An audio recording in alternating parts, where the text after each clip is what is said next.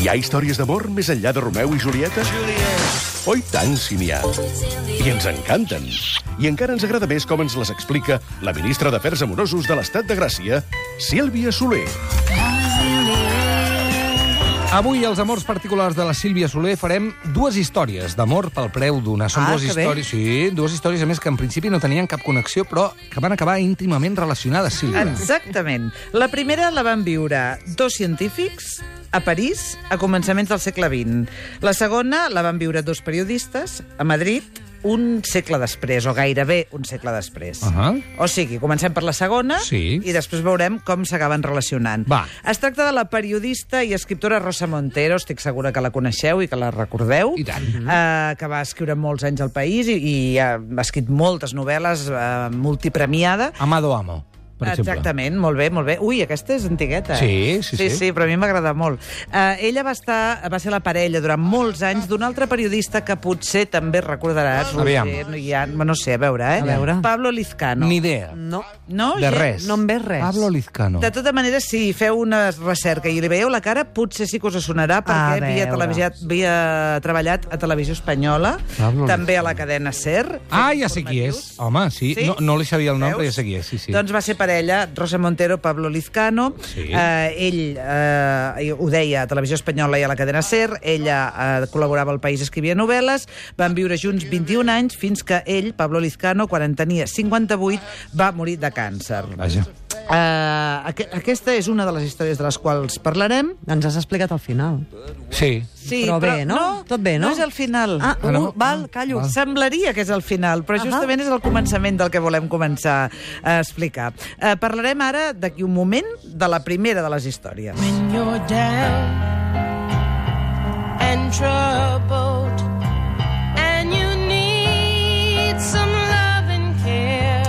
Hem dit que ens anàvem a París i hem dit que ens anàvem un segle enrere.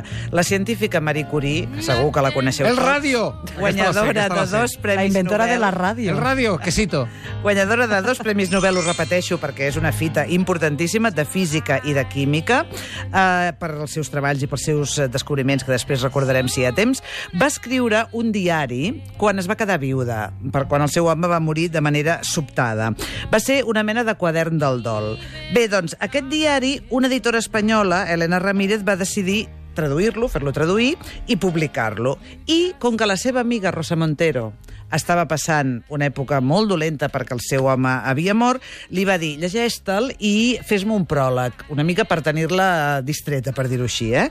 I va passar molt més que això, perquè Rosa Montero va llegir els diaris de Marie Curie, es va enamorar de la vida de la científica i de l'amor que tenien Pierre i Marie Curie i sobretot va passar una cosa que passa molt sovint que és que es va sen sentir totalment identificada uh. -huh. amb Marie Curie perquè estaven vivint el mateix sentiment, aquesta pèrdua, no? el sentiment de la pèrdua. Eh, va començar a investigar, va començar a investigar i va escriure un llibre meravellós que us recomano amb tot l'entusiasme que es diu la ridícula idea de no volver a verte, que només pel títol jo trobo que ja val la pena uh Mhm. -huh. interessar-se per ell. Què és aquest llibre? És una novel·la? No. És unes memòries? No. És una investigació? Tampoc. És un llibre que jo trobo que la gràcia que té és aquest, justament, que és molt, de, de molt difícil classificar, perquè el que fa Rosa Montero és explicar-nos la vida de Marie Curie i de Pierre Curie i anar-hi barrejant la seva pròpia experiència. Ui, a mi m'agraden molt aquests llibres, eh? És, és fantàstic, eh? De veritat Aquesta combinació de gèneres. Us, us el recomano molt. Jo feia molts anys que no llegia res de, de Rosa Montero i la vaig retrobar en aquest llibre i, i us La ridícula recomano. idea de no volver a verte. Exactament, que és una mica, com tots sabeu, la sensació... Bé, com tots sabeu, com alguns tenim Sí. la desgràcia de saber, que la sensació que tens Estúpida. quan se't mor algú Sí, sí, sí. molt pròxim és dir, però, però, Però, com? perdona. No veure... Perdona? Que demà no, no et veuré. No et demà, sent- ni demà passat, ni- No, ni que no ens enviarem un WhatsApp, que no, sabré, que no sentiré la teva veu. Però què és això? Per això m'ha semblat un títol tan, tan encertat. La primera de, entrada del diari de Marie Curie diu així... Estimat Pierre, a qui mai no tornaré a veure aquí. Vull parlar-te en el silenci d'aquest laboratori on no pensava que hauria de viure sense tu. L'estupefacció davant de la mort. La ridícula idea de no tornar a veure mai més algú que estimes. You are the sunshine of my life.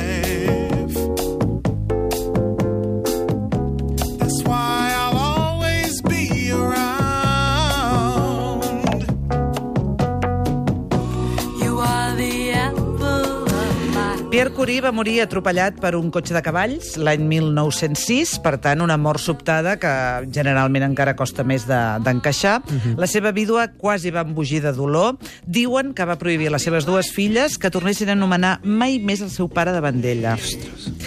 Però, en canvi, guardava a l'armari la roba que duia el difunt en el moment de l'accident. M'estalvio els detalls, però us podeu imaginar com estava aquesta roba en el moment d'un accident així. Acabada de planxar no ho estava. Exactament. La va guardar així, tal qual? Diuen que sí, Ostres. diuen que sí.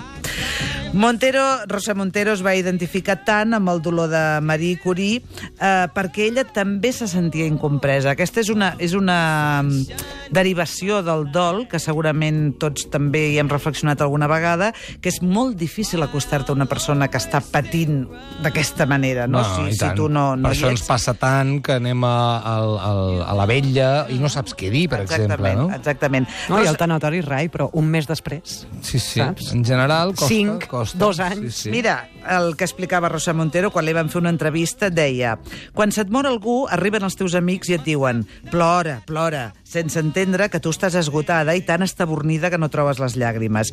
En canvi, un, dos o tres mesos després, just quan tu estàs començant a poder plorar, ells arriben i diuen ja és hora de tornar a sortir i fer coses i divertir-te. Què saps, tu? Exactament.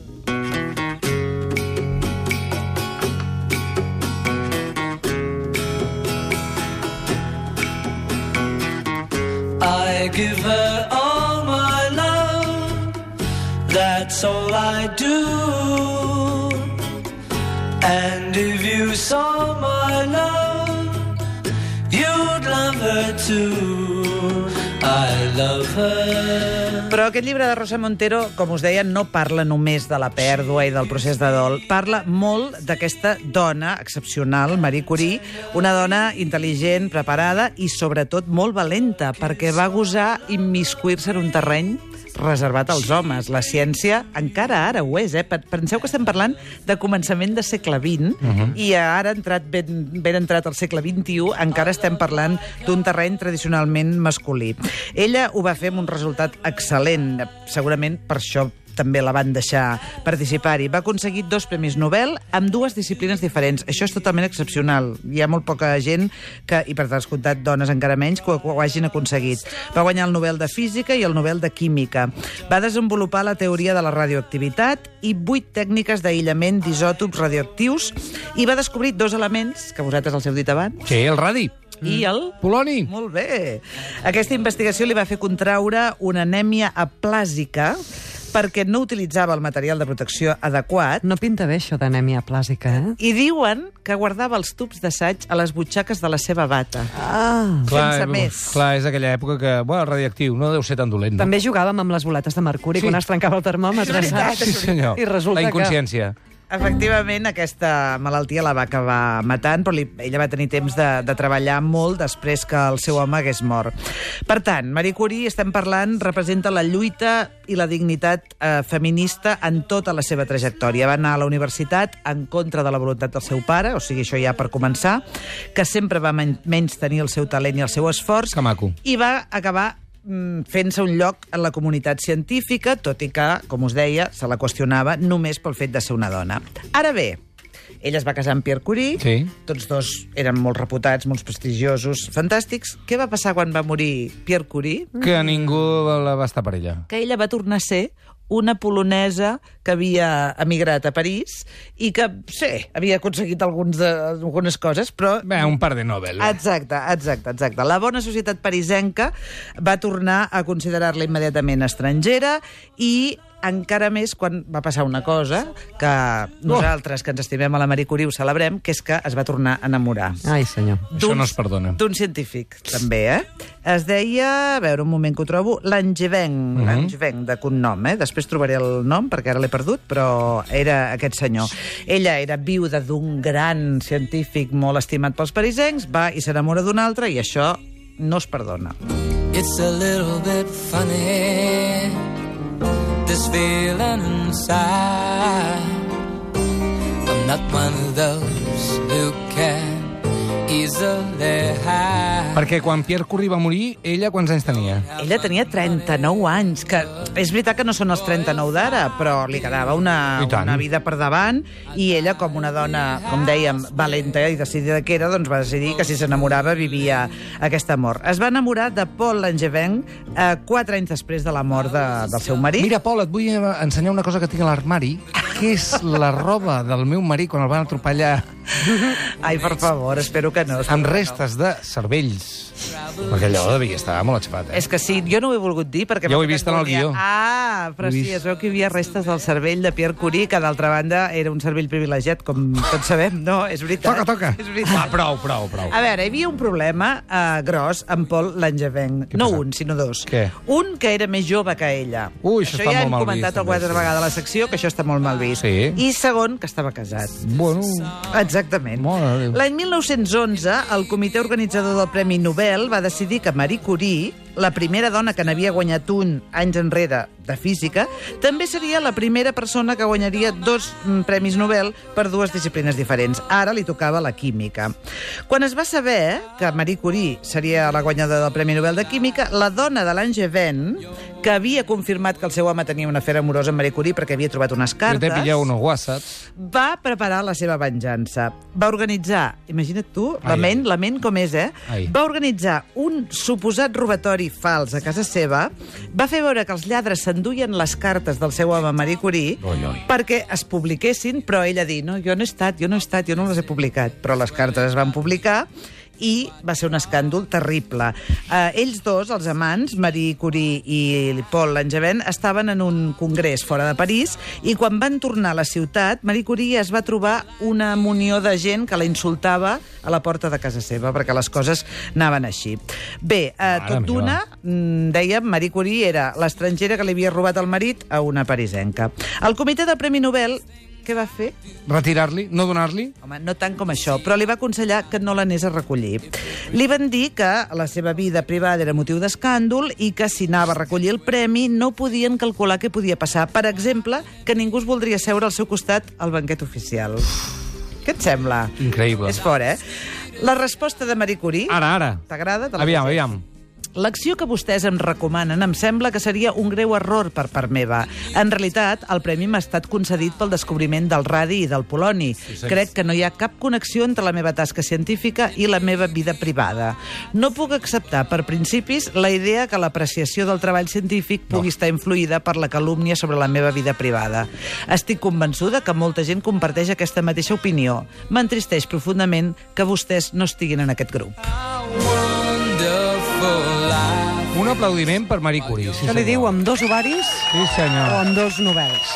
Se- I al final què va fer? Va anar a recollir-lo? Marie Curie va anar a recollir el guardó, no va passar No va passar res, ha de passar? res, perquè tots aquests valents que Clar, va, va, per Twitter, vinga, vinga. Ah, no hi havia Twitter, No hi però havia Twitter. si hi hagués hagut Twitter li haguessin dit de tot. Eren trolls. S'ha de Sí, dir exacte. que una de les persones que la va animar a anar a recollir eh, el Premi Estocolm va ser el seu amic Albert Einstein, Mhm. que li va dir, vés-hi, no passarà res, i efectivament no va passar res, i Maria estava asseguda molt a prop del rei de Suècia, que això també devia influir. Mm. Pocs dies després, l'Angevin i la seva dona es van divorciar oficialment, però tot i això, la pressió social va fer que aquest amor no prosperés. Marie i Paul van ser amics tota la vida. Que bonic! I hope you don't mind, I hope you don't mind that I put down the